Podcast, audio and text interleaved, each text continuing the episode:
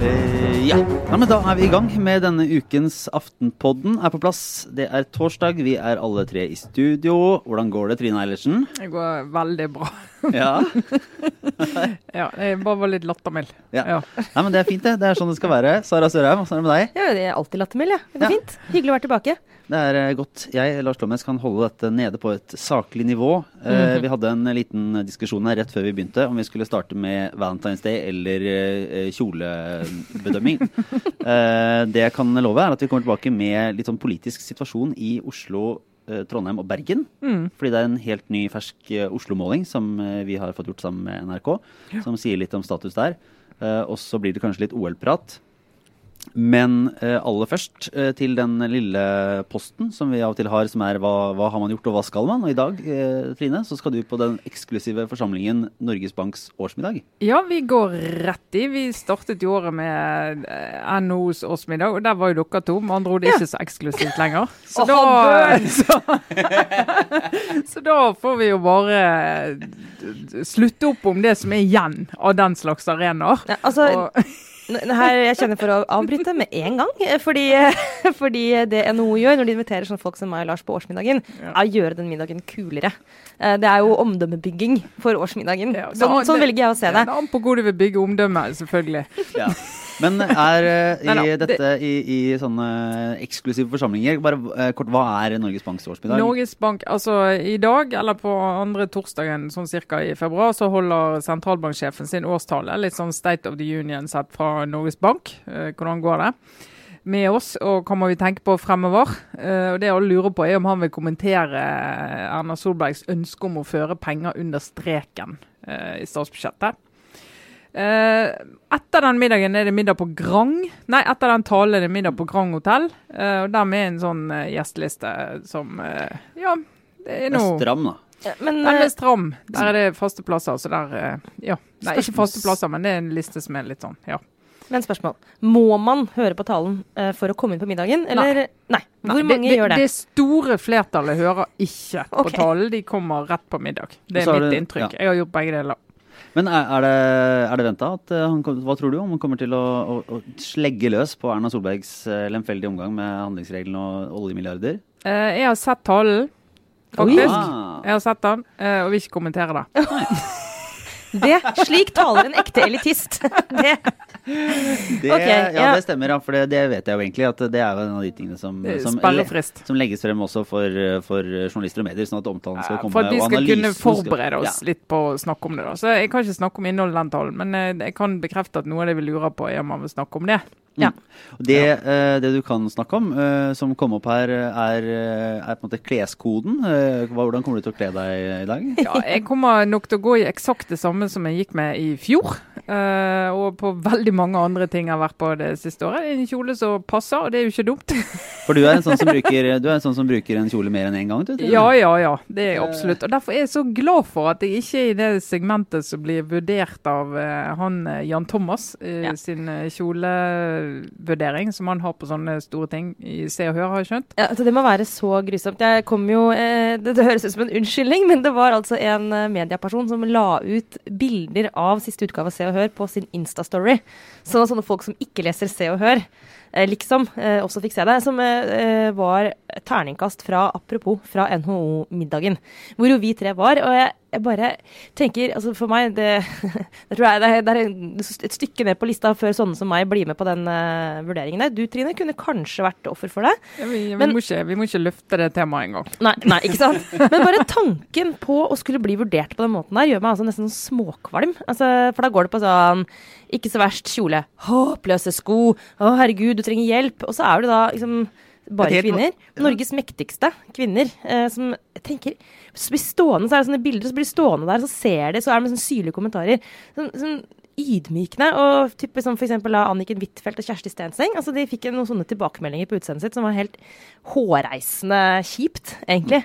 Eh, det går ikke an å altså, Det går på en måte ikke an å, bli, å snakke til folk på den måten Men jeg synes hele premisset for de kåringene og det, det, det var jo en periode det var ganske mye av det. Holdt jo til og med Dagsaviser på med den slags ræl.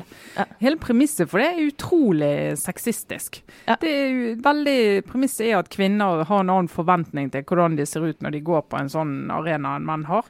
Eh, og selvfølgelig, det er det jo. Og vi kvinner bruker mye mer tid på å finne ut hva vi skal ha på oss, bortsett fra de av oss som har bestemt oss for å gå med den samme kjolen hvert år. Så da handler det om å finne en strømpebukse uten hull i. Ja. Og så har du en nødstrømpebukse i tilfelle det er hull i likevel, i vesken. Og så har du noen faste sko. Jeg har noen faste sko som jeg går med på alt. Men- også. Ja, du har lært meg Trine, at man må ha pene innesko, uh, f.eks. for eksempel. I vesken. I vesken. I vesken. Ja. Men eh, hvordan er det man eh, skal eh, forholde seg til det? Det er mann, jeg sier eh, dere, da. Jeg som mann trenger ikke å forholde meg til det. Uh, slipper unna. Ikke at noen ville kaste noen særlig terning eh, på meg uansett.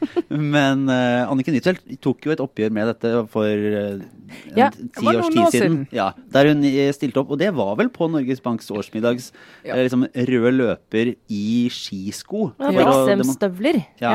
Da kom hun i protest, så hadde hun på seg Beksum-støvler eh, på vei inn og stilte seg opp foran eh, fotografene og gjorde en markering. Og, og markeringen var, og det fikk hun oppmerksomhet rundt, så det fungerte. Og hun fikk frem det poenget som eh, mange av oss er opptatt av, at her har du masse travle damer i full jobb, som har familie, unger. Noen rekker å gå hjem, lage fiskepinner til ungene før de skal ned igjen på den middagen mellom jobb og en sånn middag.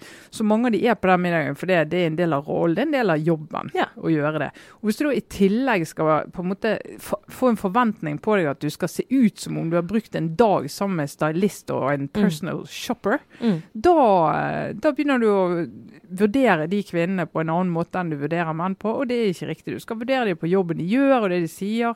Mm. Og så ser jo alle disse damene de ser skapelige ut, de er rene i tøyet. Det er det du kan forvente. Men det er også interessant fordi dress, altså er hvor, hvor store forskjeller det er på liksom mannlig og kvinnelig kleskultur, dressen er jo egentlig noe du har på deg for å ikke synes. Altså Du blender inn. Da går du inn. Du blir en del av liksom Vi er denne typen folk, denne typen menn, som går i sånne her dresser. Og så er kvinners eh, utfordring som helt motsatt, at du da, som Trine er inne på, er ment å skulle skille deg ut. Uh, og da tenker jeg, det er sånn som Kristin Clemet eksempel, i, i denne her Jan Thomas-gjennomgangen, så sto det sånn tror, Nå tok jeg det på, tar det på husken, men det var sånn Pent ansikt, pent hår, skrekkelig farge på klærne. Du trenger krisehjelp. Hva er det for en måte å snakke til Kristin Clemet på? Bare eh, driter i om hun kler eller ikke kler den grønnfargen hun har på seg. Hun så helt fin ut. Og så type sånn pent ansikt, pent hår. Det er bare utrolig nedlatende. Mm. men jeg vil bare si at jeg er ikke mot terningkast på kjoler sånn 100 Nei, Fordi fordi det Nei. Men, nei, men, Nei, men men for jeg, dette er viktig. For når det har vært eh, eh, Hollywood, eh, Oscar og Grammy og ditt og datt, så er det jo sånn kjolekarusell. Jeg blar gjennom alle. Jeg også. Jeg blar gjennom alle, og jeg har meninger om de kjolene inni meg. Og jeg kan til og med dele de meningene. Dette er folk som lever av å kle på seg en kjole. Ja. De får hjelp. De får folk, masse folk som hjelper dem med hår og kjole og smykker. Altså det er liksom VM i kjole. Da er det noe annet. Men dette, denne middagen er ikke enda NM i kjole. Nettopp. Så jeg tenker at uh, For jeg har nemlig prøvd å lage et sånt prinsipielt forsvar, fordi på vei inn i studio så slo det meg sånn Jeg elsker jo, elsker, elsker, elsker de der kjolesakene fra Oscar og sånn. Men det, jeg tror det fungerer prinsipielt også. Å si at det, Funker som bare ja, det. ikke sant, det gjør det. Altså, hvis du har som jobb å ta deg ut, så er det noe annet enn hvis du har som jobb å liksom styre landet. Ja, helt Det som i hvert fall ikke funker, okay. Helt enig. Det som i hvert fall ikke funker, er, som jeg tror vi var med på å prøve en gang da jeg jobba i Dagbladet, var å eh, kaste terning på eh, menn i dress. Det er helt waste. Det, det Det er bare. Det var litt sånn Ja, nå skal vi gjøre det på en litt annen måte. Være litt smarte. Det, var, det var helt meningsløst. De så helt like ut, alle sammen. Det var ingen som så forskjell. Og alle fikk terningkast tre. Ja, det var i hvert fall det. Var de, før, vi, før vi runder av denne veldig interessante debatten, så må jeg også bare si at det er faktisk veldig vanskelig å se bra ut når man pynter seg.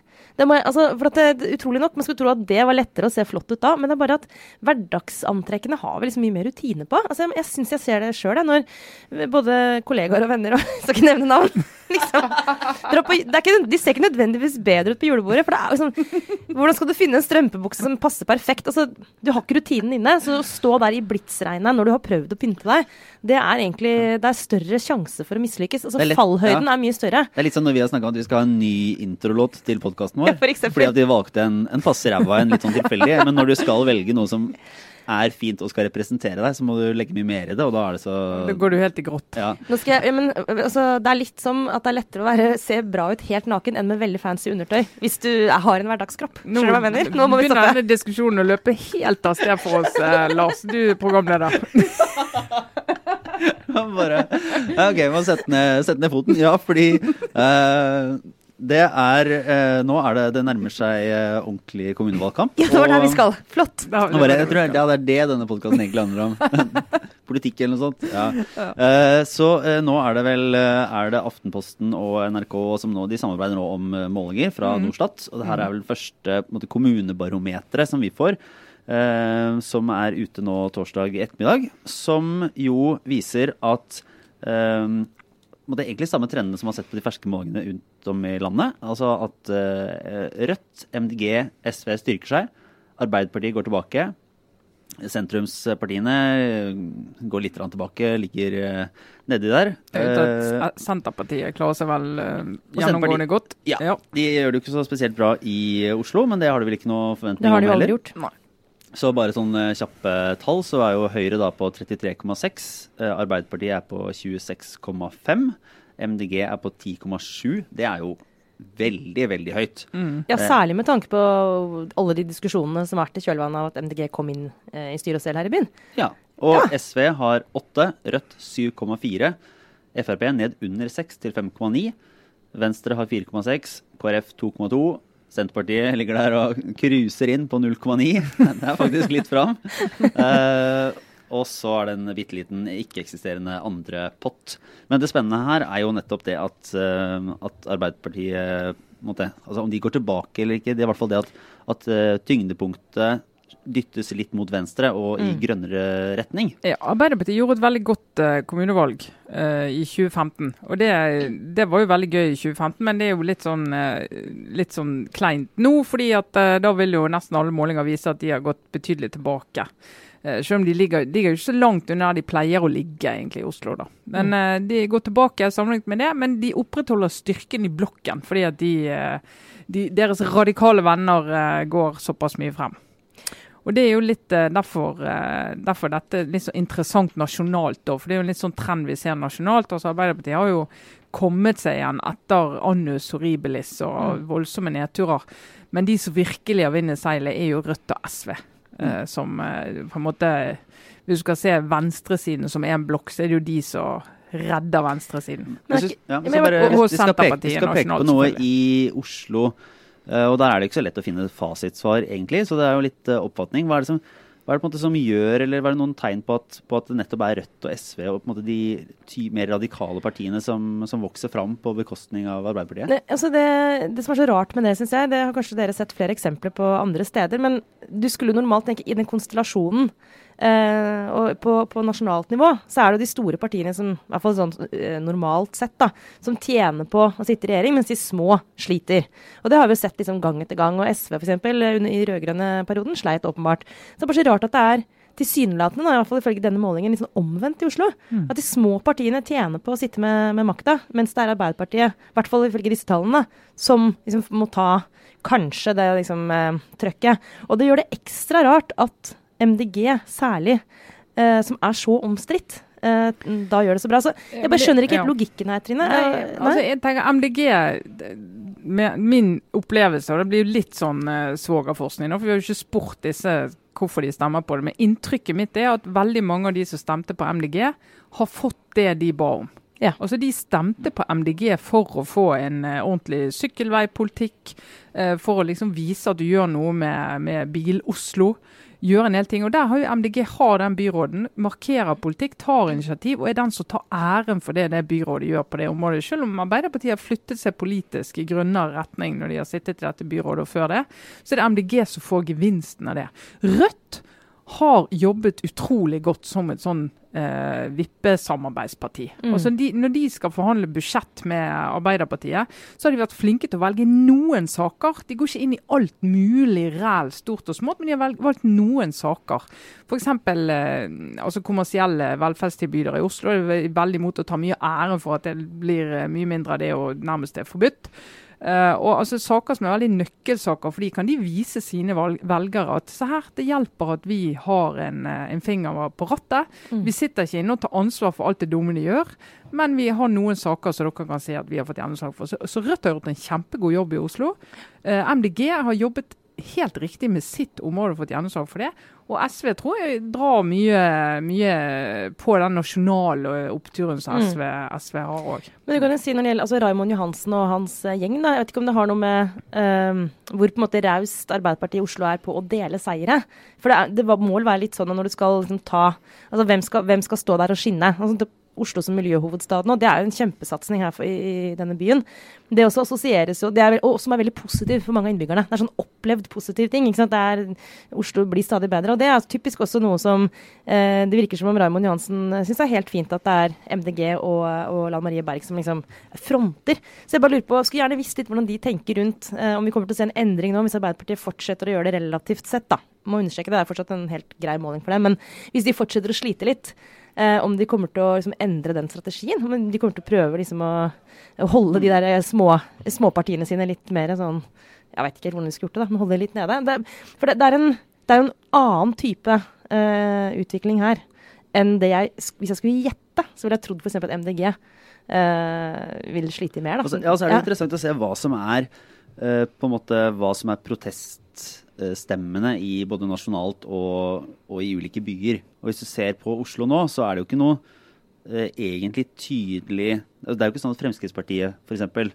styrker seg i det hele tatt og er sånn vi som eh, mener at eh, MDG får altså den derre Nei til bilen og Jarle Aabø og de som ja, ja. er sånn hardlinere på at byen blir ødelagt av, uh, av dette byrådet og av Miljøpartiet De Grønne, de ser jo ikke ut til å finne noe naturlig hjem i et Nei, parti. Men det er mulig at dette er et eksempel på nettopp den der, veldig sånn feilkoblingen jeg tror vi gjør ofte. Uh, når jeg sier vi, som er sånn i offentligheten, er at de som skriker høyest, nødvendigvis er representative. Typisk sånn der, den der ja til bilen i Oslo er sånn klassisk sånn Facebook-roping. Uh, med sånn masse tomme tønner og masse skrammel og uh, egentlig ikke noe så veldig sånn konstruktivt. og det er mulig at det rett og slett ikke er så veldig representativt for velgerne. Jeg tror ikke det er veldig representativt. Du ser Høyre har jo gått opp og er mer på sånn nivå der de pleier å ligge i Oslo. Og jeg tror mange av de som er sånn, ikke vil ha fullt så eh, radikal politikk på bilområdet, de finner jo sitt hjem der. Ja. Eh, men det er jo også, sammenlignet med for ti år siden, er jo det veldig altså, grønn politikk. Sånn at velgerne er jo i bevegelse her. på en... Ja, og, og MDG på en måte nå får jo også kred for ting som egentlig ble starta av det forrige by, altså byrådet. Det er jo, ja, da, det er jo en, del ting som er en sånn storby, altså liberal storbymodernisering. Ja. Og grep som, som, er tatt, som det, har, det er både tall og utslipp og alt, det, det, du gjør jo ikke det på tre år. Det, har jo startet et sted. Men det er klart at de har gjort ting som med sykkelveier f.eks., som er veldig synlig politikk for en del av de som stemte på MDG, og de som vurderte å stemme på de, eh, stemme på de, og nå tenker jøss, jeg stemte ikke på de da, men jeg gjør det nå, for jeg ser at de gjør ting som er viktig for, for, for, mitt, for mitt, syn på byen. Hvis du var i opposisjonen her, da, og Høyre ser at det, ligger på rett under 34% eh, nå, altså Dette er én måling, og du skal, det kommer til å komme mange, og det kommer til å, sikkert å komme andre som gir et litt uh, annet bilde. Men, men uh, dette, de tallene vi skriver nå,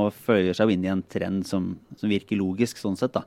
Uh, så er liksom spørsmålet for de borgerlige om de egentlig ser for seg å kunne altså Er det Høyre som må vokse og bli uforholdsmessig store, altså gjøre et brakvalg? Eller eh, ser man for seg at eh, KrF og, og, Venstre, som eh, ligger veldig lavt, skal gå opp? Eller er det Fremskrittspartiet? Altså Hvor på den borgerlige sida er det du kan se at det er noe særlig å, å, hente, å hente, hvis de skal faktisk vippe det? Jeg tror Hadde jeg vært Høyre, så hadde jeg sett litt mørkt på dette. ja, for det, det er ikke noe sånn åpenbar. Nei, det, det, er jo ingen av de som er naturlig samarbeidspartner for Høyre som er i noe som ligner siget. Tvert imot. Uh, og, det, og Høyre kan jo ikke bære dette alene, sant? når Arbeiderpartiet har bestemt seg for den samarbeidsmodellen som de har bestemt seg for. Uh, så altså, hvordan de skal Men altså ja, jeg klarer ikke de, de, har jo de har selvfølgelig ikke gitt opp. Og jeg ser de jobber jo med politikk for å prøve å, å legge seg inntil dette, dette styringsalternativet. Men uh, akkurat nå i hvert fall ser det jo mørkt ut for de som ønsker skifte i Oslo. i hvert fall. Og så er det jo litt typisk at uh, skal sies at, at på en måte protestpartier, eller, eller, i hvert fall partier som, som Rødt og og MDG og egentlig også SV jo, går jo vanligvis litt ned eh, nærmere en valgdag. Men eh, de pleier jo ikke å hoppe til høyre, da. Nei, det er det. Så, Men hvordan tror dere altså Arbeiderpartiet på nasjonalt plan leser den målinger som dette? når Det kommer til, altså det må da være en diskusjon der hvis, Nå er det jo lenge til stortingsvalget, men eh, med de resultatene Rødt har, også nasjonalt eh, Den der diskusjonen i Arbeiderpartiet, kunne vi kunne vi ha inngått et samarbeid med Rødt? Et forpliktende budsjettsamarbeid f.eks.?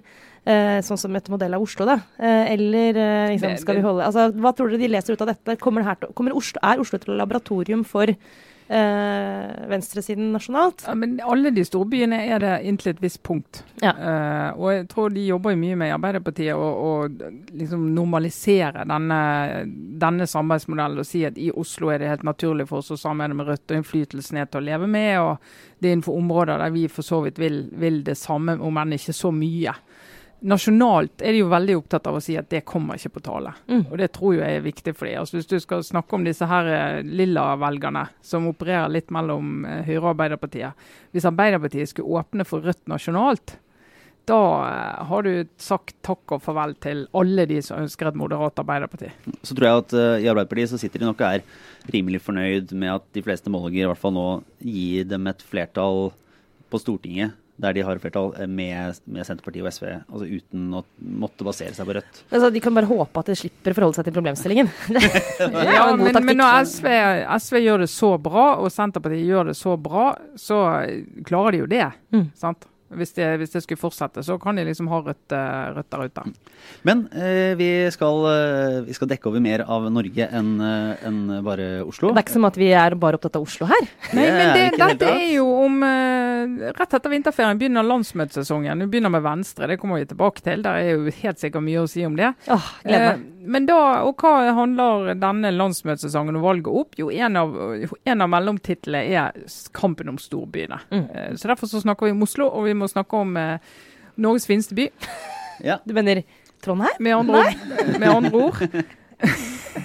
Bergen. Og der eh, Det er jo i alle disse byene er det interessant å snakke om Arbeiderpartiet. I Bergen eh, styrer jo Arbeiderpartiet sammen med eh, Venstre og KrF. Der, det var jo da laboratoriet forrige gang, etter 2015. Ja. For det var jo, Da hadde jo Jonas Gahr Støre ytret at eh, ja, vi må åpne døren mot sentrum, og Alvar Velden dro masse til Bergen og snakket masse med de om hvordan det var å jobbe med disse sentrumspartiene. Eh, og hadde jo lyst til at Arbeiderpartiet skulle bli en aktuell samarbeidspartner for da særlig KrF nasjonalt. og Så vet vi hvordan det gikk. Mhm. Det gikk nesten, eh, men det gikk ikke. Eh, og I Bergen holder de på med det. eh, men det som er dramaet der, og der, hvis du skal tenke på sånn utfallet i Bergen, og så handler det egentlig om hvor sentrumspartiene vil, hvem de vil samarbeide med. Høyre er også der sånn på å si største parti eh, når alt er noenlunde normalt. Ja. Men hvem vil, hvem vil Venstre og KrF eh, samarbeide med? Eh, nå har de valgt Arbeiderpartiet. Arbeiderpartiet har hatt en vond nominasjonsstrid som kulminerte denne uken her. Roger Wallhammer heter han som blir byrådslederkandidat. I Bergen har de som i Oslo byparlamentarisme. Så de har en ordførerkandidat og en byrådslederkandidat.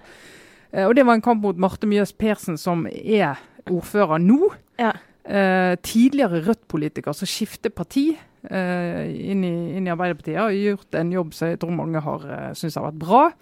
Eh, men i Arbeiderpartiet i Bergen så har du en lang, lang eh, historie med kamp mellom si Folkets hus, eh, fagbevegelsen og AUF, og litt sånn yngre krefter som ønsker å modernisere Arbeiderpartiet i Bergen.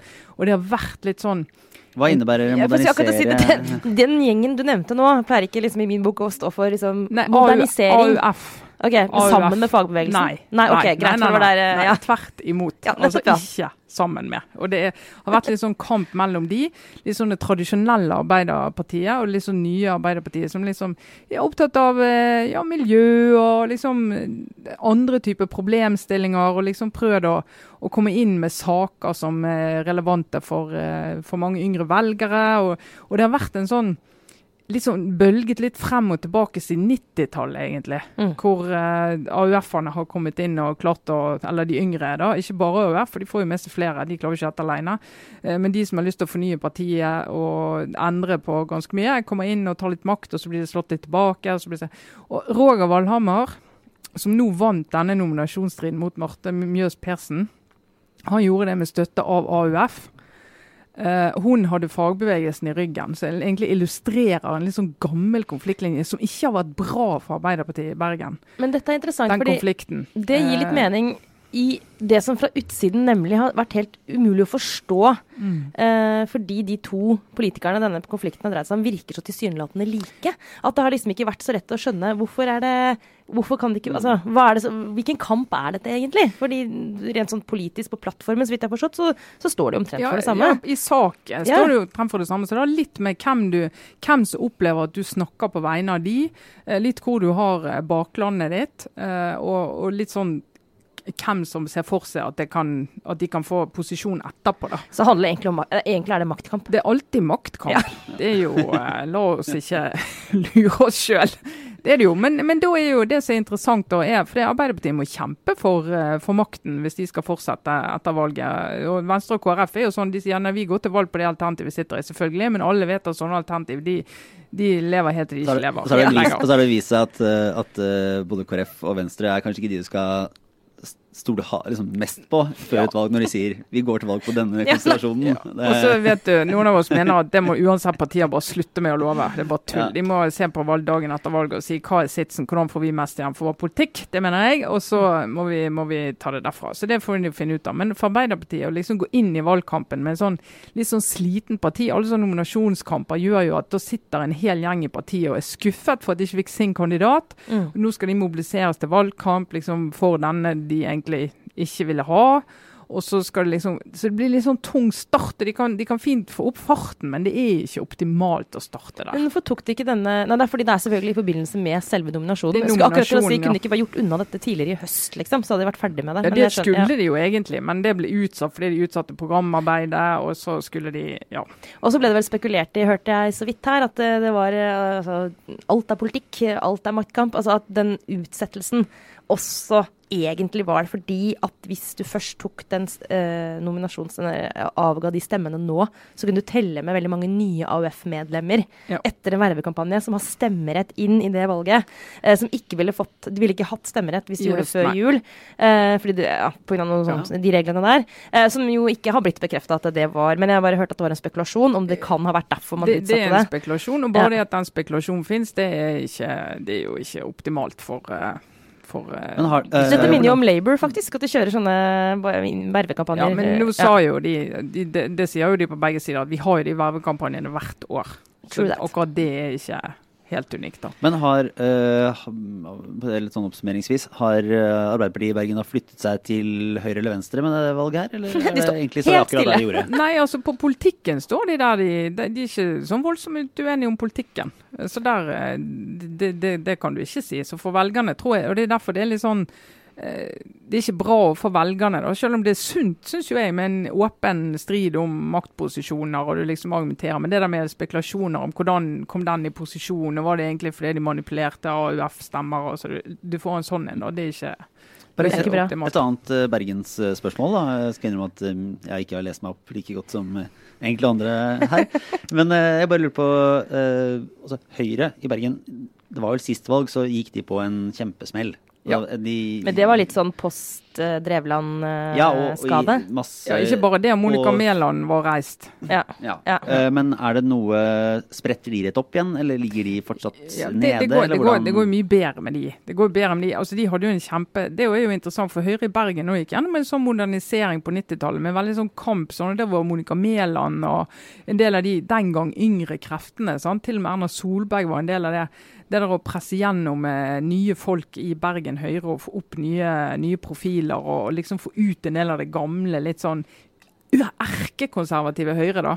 Så det, både i Arbeiderpartiet og Høyre på 90-tallet var det jo en kamp. Og i Høyre så vant jo de nye, og de beholdt den makten. Eh, Og Monica Mæland beholdt den så til de grader, var jo byrådsleder i en mannsalder. Og hun holdt sånn lokket på all sånn konflikt i, eh, i Bergen eh, Høyre. Og når hun forsvant, så liksom bang, da eksploderte det. Og så rev jo partiet seg sjøl nesten i stykker. Frem mot forrige valg. Og så har du den bybanesaken som fortjener egentlig en egen sending, kanskje, men kanskje i Bergen. som, som, ikke gjorde lett heller. Men nå har jo de fått litt sånn orden i rekkene, og de har hatt en noenlunde rolig nominasjon. Der var det også konkurranse om eh, topplassen, men eh, det var høflig og greit, og ikke stor strid og mistenksomhet knyttet til det. Da. Man de, gjør det på litt sånn dannet vis, eh, Høyres hus. Ja, denne gangen, denne men gangen. for all del. Ja, det er, det er vel eksempler på det aller meste. Absolutt eksempler på det meste. ja. Eh, nei, da beveger vi oss eh, litt, eh, litt, lenger nord. Ja, nå vil vi komme til eh, Trondheim. Trondheim. Altså, det blir litt sånn by der vi kan minne om at vi har livesending eh, 24.4 på Samfunnet. Så det er billetter ute på, på aftenpodden.no. Der kan man komme inn. Vi gleder oss. Det begynner å bli litt få billetter igjen, så det er bare å hive seg rundt hvis man er uh, tilhørende i Trøndelag og har lyst til å få med seg noe av dette. Jeg kan jo uh, varsle om at jeg var i Trondheim så sent som i går på besøk på NTNU og møtte en del av de uh, utrolig flinke, så glupe folk. Ja, altså NTNU, der er det de, de, kan faktisk komme til å redde verden, de. Noen av de som er der nå. Altså, de, fin ja. de, finner på så mange bra ting. De er så sykt smarte. Det er hilsen Skjetten. Men altså, det er virkelig sånn veldig imponerende. Der oppe. Det, var ditt favoritt for fysikk, sant? Ja. ja veldig sterk på fysikk. Jeg, jeg drev og tenkte, for det var jo på et sånn eh, De viste rundt og forklarte en del ting om det de holder på med, og, og det var sånn det var science fiction og ja. veldig, veldig kult. Og så tenker jeg sånn Å, tenk så stilig det hadde vært å gjøre det her. Så, så, kommer du på at jeg er journalist, ja. ja så tenker bare, nei, jeg, jeg, valgte en annen retning, og det var av en grunn. Eh, jeg tror ikke det er jeg som kan uh, få måtte, drive den hjerneforskningen. Nei, men når de redder verden, eller når de kurerer kreft, så kan vi kan fortelle om det. Ja. no, for det er noen av oss som jobber å være bredt, men grunt orientert. Ja. Så det, sånn er det. Ja. Eh, men det er jo da også en politisk nominasjonskamp, og, og, det legger til rette for et interessant valg der også? Absolutt. Der har de jo hatt sånn Arbeiderparti-hegemoni i generasjonen, generasjon, egentlig. Eh, med Rita Ottervik eh, som eh, ordfører, og virkelig byens mektige kvinne. Mm. og Hun har jo på en måte hatt som strategi da, at hun har, hun har, knyttet til seg det ene partiet etter det andre ja, altså, i sin samarbeidsmodell. Så jeg tror på et tidspunkt var det bare Høyre og Frp som ikke var med i hennes ja, De er jo ikke sånn byrådsmodell der, da, men i hennes styringsgrunnlag. da. Så hun bare liksom Men nå sant, SV bryter ut og sier at dette her vil vi ikke mer. og Det er masse, eh, altså det begynte å sprekke for lenge siden i dette her som de kalte for det rød-grønne utstillingsvinduet mm. i, uh, i, Trondheim. Det utstillingsvinduet det er veldig møkkete. Der er det gammel teip og sånn rester av sånn julesnø, vet du. Så det utstillingsvinduet er ikke helt det det var. Ikke helt det det var. Men det viktige i denne nominasjonen har jo vært opprydningen etter denne Kystad-saken mm. som stor eh, sak som Adresseavisen rullet opp. Sånn, eh, altså Kortversjonen eiendomsutvikling. Reguleringssak i Trondheim, eh, hvor Rune Olsø, en av Trond Giskes eh, nære kompanjonger og venner, var sentral. Og i hvert fall stor sånn eh, tillitsdiskusjon i Arbeiderpartiet for hva rolle hadde en del av de sentrale Ap-folkene hatt i det når de var på innsiden av politikken, og også var på utsiden av politikken for å sørge for at kunder fikk regulerte eh, Eh, eiendom og områder sånn som de ville. Og så har jo Rita Ottervik hatt behov for å rydde opp i det her. Og satt jo litt stillingen sin innpå og sa at hvis ikke jeg får altså gode folk rundt meg eh, på listen som jeg kan jobbe med, så blir jeg ikke med.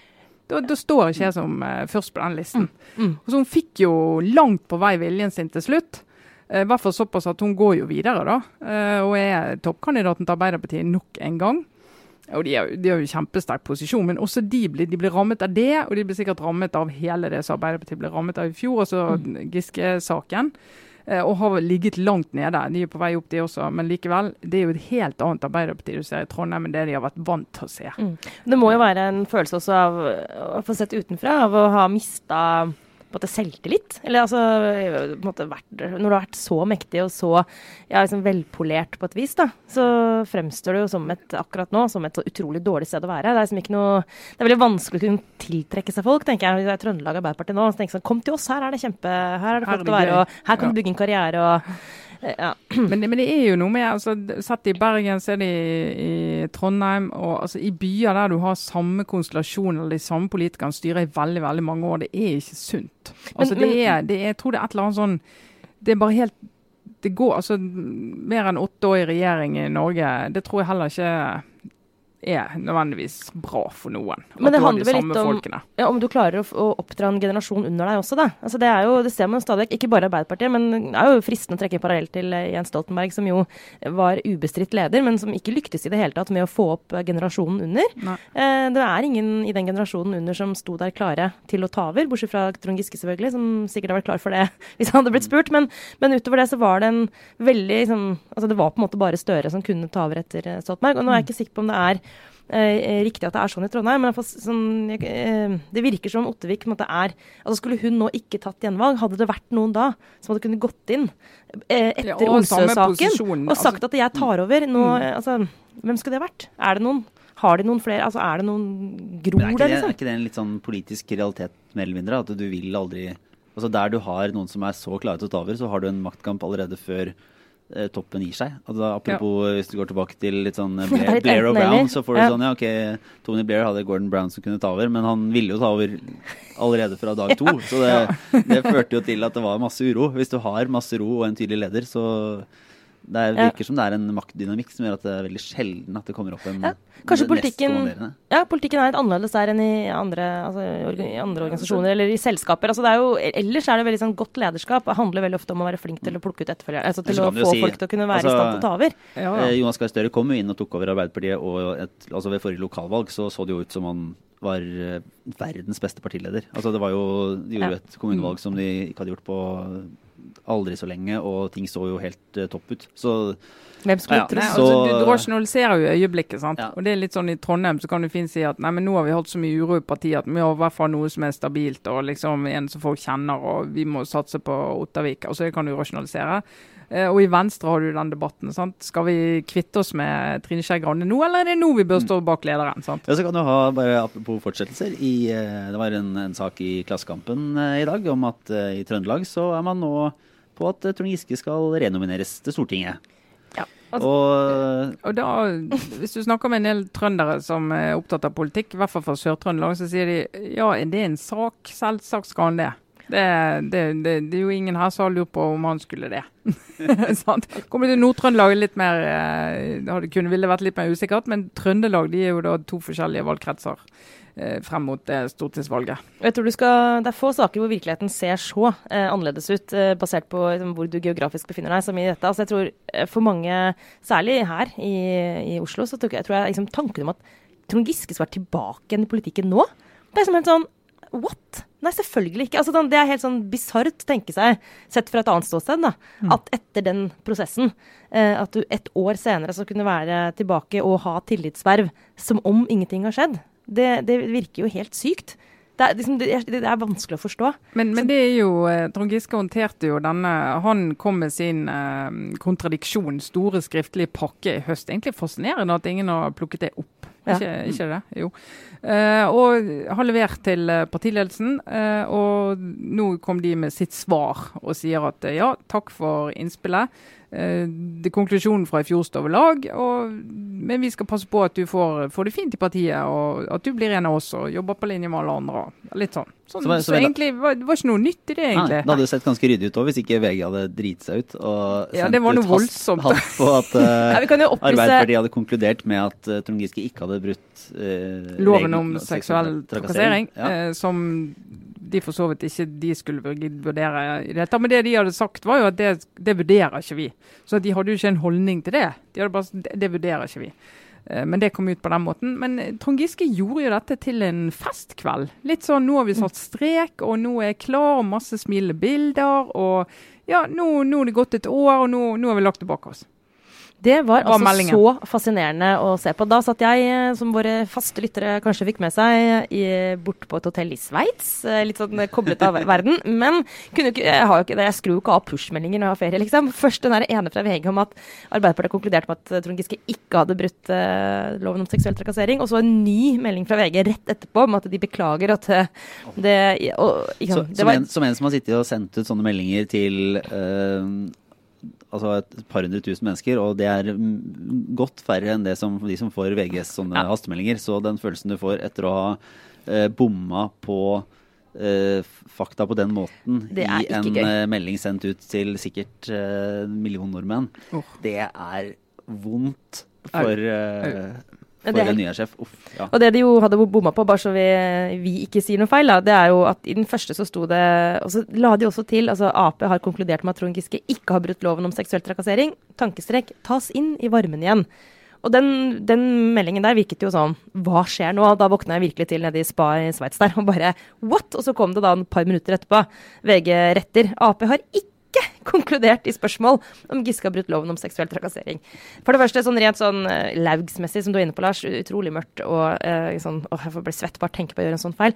Men mer sånn overordna, så er jo da dette et eksempel på en sånn sak som blir altså spunnet så heftig av alle parter i konflikten. At Jeg mener ikke å unnskylde desken i VG, men det er ikke så enkelt alltid å klare å skille da spinn fra fakta. Og når du så da den måten Trond Giske presenterte dette på den kvelden eh, på Facebook, så, så tenker jeg sånn Det skal han ha for en mester i å få ting til å høres ut sånn som han vil. Ja. Eh, ut fra at det egentlig ikke er noen ting som har endret seg eh, i denne saken. Men det er, jo, det er jo et signal om at han eh, fortsetter i politikken. Og de begynner jo med den nominasjonsdiskusjonen i Trøndelag da, sånn eh, om et års tid. Eh, og da, Men da, er, han, er han med. Så det, det blir interessant. For jeg tror han og mange i Trøndelag, nå, nå er de ferdig med dette. Lagt det bak seg. Men altså, hvis vi skal videre, Lars, men bare, hvis du, har, hvis du hadde hatt partiets beste som eneste og viktigste liksom, retningslinjer å, å følge, når du tenker 'hva skal jeg gjøre nå'? Det altså, det var vanskelig å forstå at ikke da konklusjonen hos Trond Giske ville være at nå skal jeg ligge lavt en god, god stund, og da mener jeg i flere år.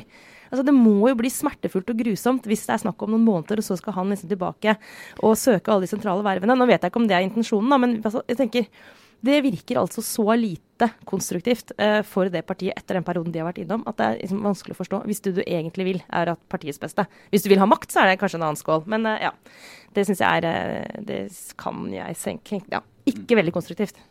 Eh, da tror jeg vi skal ha en liten runde med obligatorisk refleksjon. Eh, Ja. Se hva vi tenker inn i resten av valentinsdagen Valentine's Dayen og helgen. Er dere sånne Valentine's-folk? Eh, dette er litt vanskelig å svare på, for at det er selvfølgelig ikke. Men litt likevel. altså, du, du spør litt vanskelig, Lars, for det, det er jo helt utrolig teit. Særlig hvis du er sånn norsk kul. Altså, Vi er ikke sånne amerikanske prinsessedamer. Og Valentine's Day, hvem har da funnet opp det egentlig? Er det en kommersiell idé fra, fra USA? og Bla, bla, bla. bla, bla. Nei, det, nei takk, blomster til meg. Ikke vits i. Men Hadde vært hyggelig, da. Hvis jeg liksom kommer hjem og, til fiskepinnene og en helt vanlig torsdag, så kan det hende jeg blir litt sur likevel. Men jeg blir sur på en måte som er umulig å forstå for min partner hvorfor jeg er sur på. da. Men, ja, fordi kanskje... Det er sånn klassisk situasjon mellom to. ja, Oh, ja, er, er det noe? vi, feirer, vi, feirer vi Valentine's Day, vi, eller? Nei, nei, nei. Jo da. Ja, nettopp. Så Lars, Og litt sånn, Det er jo lov å være impulsiv. Ja. Hallo. Sant? Ja, nei da. Kan jo kjøpe en blomsterkvast. Ja da. Jeg har, eh, jeg har ikke feiret. Jeg glemmer det ofte, men jeg har en svigerinne som har bursdag på den dagen, så tenker jeg åh, må huske å gratulere. Så, og da tenker jeg å ja, det er den dagen, det er den dagen. Ja. jeg kjøper du blomster, Trine? Har ikke skjedd. Nei. Nei. Har ikke skjedd. OK, Lars. Eh, nei, jeg, jeg har jo på en måte tenkt at det ikke Jeg har fått den beskjeden av deg. Det, det, det er ikke noe å drive med, egentlig. Så da Eh, så- noterer du det som sånn faktum. Ja, i utgangspunktet. Ja, nå er det avklart. Ja, fordi jeg lurer på, ja, skal jeg få gå, skal gå og se, den der, se Arsenal i Europaligaen i kveld? Var det, og så var det sånn Nei, det, det gnager litt baki. Det, det er ikke Man kan aldri være helt sikker på altså det er, Man skal være veldig forsiktig med å ta en, en muntlig beskjed som 100 eh, Man kan Ja. gjøre litt andre undersøkelser i tillegg. Det som er litt farlig, da, det er hvis du plutselig en valentine tenker, blir litt sånn inspirert og revet med, og så tenker du nei, jeg kjøper noe. Jeg kjøper en eh, fin sjokolade eller blomst, og så kommer du hjem, og så blir den du bor med, da, veldig glad. Og så gjør du ikke året etter. Eller året etter det, eller året etter det. Og da blir det sånn Ja, en gang så tenkte du jo på sånt. Jo, men det, Dette her er jo klassisk, som en venn av meg sa. Du må ikke gi barna saft én dag til middag. De blir ikke noe glad for å få saft, men de blir dritsure hver gang de bare får vann igjen. Ja, Det er helt riktig. Det må aldri skje. Nei. Må aldri ha saft til middag. Altså, vi feirer ikke Valentine's Day. Det er ikke konklusjonen, da. Ja, ja, det var det. og Jeg var ikke helt sikker på den konklusjonen der. Det får vi jo, det får vi jo egentlig se på. Ehm, skal vi se. Jo, jeg kan bare oppdatere i, eh, mitt, i, eh, i mitt vinterliv at eh, min, mine ski er fortsatt ute i en eller annen persons varetekt. Uh, Kan du legge ut bilder av dem på Facebook? Nei, du kan jo ikke ta bilder jeg kan ikke ta bilde av dem. No, noen som ski som ligner. Men jeg har strengt tatt jeg har fått bilde av det, det var ski som da forsvant på, ut på, på en sånn markahytte. Uh, Så jeg har et bilde av de skiene som ble stående igjen på slutten av kvelden. Så jeg har bilde av uh, tyvens ski. Ja, nettopp. Men uh, det, jeg vet ikke om det hjelper så mye. Men det var det andre. Jeg hadde en liten uh, annen, bare en sånn fin, flau liten anekdote fra, sånn, fra Vinter-Oslo. Fordi Og gikk en, gikk en tur på isen der, altså en dag. Og så står det en litt eldre fyr i en ny, ganske fin bil og sliter med å komme seg ut av den, av, fra, fra sida liksom, har parkert. Står og slurrer og holder på. Og sveiver ned i vinduet og spør liksom pent ja, kanskje du kunne gitt meg en liten dytt. Og så jo, jo, selvfølgelig. Og, så vi står og, og, dytter på. da, Det går veldig vanskelig å få til dette her. For, til slutt over en sånn iskant. Mm -hmm. Og så fortsetter bilen bare å stå stille, stille spinne med forhjula, stå helt stille med bakhjula. Og så bare sånn Ja, du hadde på håndbrekket, ja. Nei. Å nei. Og så, så det var liksom det er ett lite sekund der han eh, ser tilbake liksom i speilet, får en sånn liten hils eh, fra oss, og så Og da kjører av gårde. Og du bare vet at han, liksom, mann 60, eh, kommer aldri til å fortelle om det her til sine nærmeste. Så da tar jeg benytter anledningen Du gjør det nå. Ja. Og nummeret var Ja, det, det Men storbyen er et, i vinterstid et sted hvor man er nødt til å hjelpe hverandre. Det er ganske vakkert, faktisk. Oh, man kommer seg da. ikke ut. Altså, de, når snøen smelter og fryser og blir til sånne iskanter som stenger alle bilene inne, ja, men da må vi faktisk hjelpe hverandre. Det synes jeg er litt støkk. Skal vi si, eh, da kom jeg på at jeg fikk jo hjelp her av uh, ingen ringere enn altså, komiker Odd Magnus Williamson. Som jeg ikke kjenner, som, bare, som gikk forbi på tur uh, med barnevogn mens jeg sto og sleit. Ja. Og hadde si, og alt mulig rart. Kom innom. altså litt sånn goodwill fra men dette er faktisk noe man kan måle folk på. Det er en eh, leder vi var på lederkurs, for det er vi i Skipsted, i uh, firmaet som heter Slack, som mange bruker. Kanskje mange av dere som hører på også. Kommunikasjonsplattform. Han som er direktør der, han sa at når han skulle ansette folk Dette er et sånt tech-selskap som er blitt kåra til et av de beste å jobbe i hele Silicon Valley og sånn. Han snakket, han direktøren, om hvordan skaper du en god kultur på arbeidsplassen. Og han sa jeg leter etter uh, folk som eh, vil, som han sa på engelsk, da, tint, nei, tilt their umbrellas. Altså, hvis det regner og alle går med paraply, og det er trangt fortau, så er du avhengig av, hvis, ikke, så, hvis ikke paraplyene skal krasje i hverandre, ja. mennesker som er i stand til å se at andre også går med paraply, og som derfor bøyer litt på paraplyen sin, sånn at man skal ta mindre plass for å slippe andre forbi. Det er et veldig godt bilde på at han, sånne folk sånn, sånne folk vil jeg ha i mitt selskap. Det skaper en god kultur. Dette er mennesker som er i stand til å jobbe kollektivt. Eventuelt da sånn som uh, Odd Magnus Wilhelmsson, som ser at det er her en fyr som trenger hjelp til å dytte. Ja, Eller meg, da, tydeligvis. Ja, eller deg, Lars. ja, men det er en utrolig moderne og kul måte å tenke på uh, rekruttering på. Ja, underveis så ble det en sånn snikskryt. Som, ja, ja, som gikk et annet sted. Ja, men heia det. Heia sånne folk. Ja. Heia Lars. Og du da, Trine? Nei, Jeg vil komme med en anbefaling. rett og slett. Ja. Jeg er så begeistret fordi at uh, vi har fått en ny gjesteskribent. Han heter Martin Sandbu. Vi publiserer han i dag. Uh, jobber egentlig i Financial Times. Nordmann som har holdt på ute i verden og forsket og undervist ved Harvard og skriver altså for Financial Times hver dag. Uh, og det kan du gjøre uten at det er så mye mer ved deg, men han skriver godt. og han begynner å skrive for oss nå jevnlig, så jeg vil bare rett og slett anbefale. Ja, Vi har vel delt den første teksten hans. Har delt den på, på FB-siden vår. Ja. Så les i vei. Ja, ja og apropos Facebook-sider. Jeg tenkte jeg skulle komme med en liten anbefaling, jeg også. Eh, en bok som jeg brukte ferien, lille ferien opp å lese, som handler om nettopp Facebook. Eh, og egentlig hvor, eh, altså hvor forferdelig Facebook eh, egentlig er. Eh, og dette er en bok som jeg plukket opp som en anbefaling på Facebook. Eh, og en, en, bok som jeg sikkert kommer til å dele med våre lyttere på vår Facebook-side. Så det sier litt om hvor innsausa vi alle er i dette selskapet. Men denne boka heter Søkt oppkalt, vil jeg tro, etter Mark Zuckerberg. Ja. uh, og Roger McNamee, eller McNamee, som har skrevet denne boken, han er en interessant fyr. Han er uh, investor, uh, tech-investor, en av de mest profilerte. Han er liksom 68-generasjonen, en av de som er veldig tidlig inne i tech. Eh, og en av de som også ganske tidlig investerte i Facebook, og har jo blitt kjemperik pga. det, og har vært mentor for eh, Mark Zuckerberg selv. Og veldig lenge var en ivrig eh, venn av det selskapet, og eh, skriver i boka, som jeg syns er veldig god, om hvordan han, og han mener også hele bransjen, har gått fra altså tech-bransjen fra å være et fristed som ville verden vel. Eh, veldig sånn eh, individorientert, sånn libertarian Hva sånn, det ordet er så vanskelig å si. Libertarianian. Hjelp meg.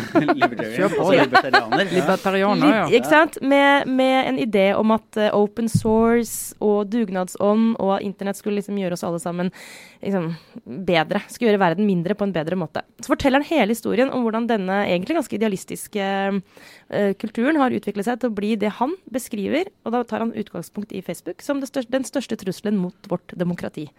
Og hevder at dette er noe som Zuckerberg har gått i lås på, og som han ikke forstår. Og at han har created a monster og har skapt en plattform hvor eh, regimer som ikke vil oss vel, f.eks. Russland, eh, bare vel, ønskes velkommen inn eh, til å manipulere, eh, manipulere valg, til å undergrave demokratiet. Og det blir gjort med en idé om at den der mangelen på kontroll er en positiv kraft. At det at alle skal med, at, at du ikke skal ha noen regler, ikke ha noen murer, at alt skal være åpent, at det gjør oss bedre. Og så skriver han liksom om hvordan det bare er bekmørkt. Det hørtes ut som en merkelig parallell til eh, kritikk som kan framføres mot 68-erne. Ja.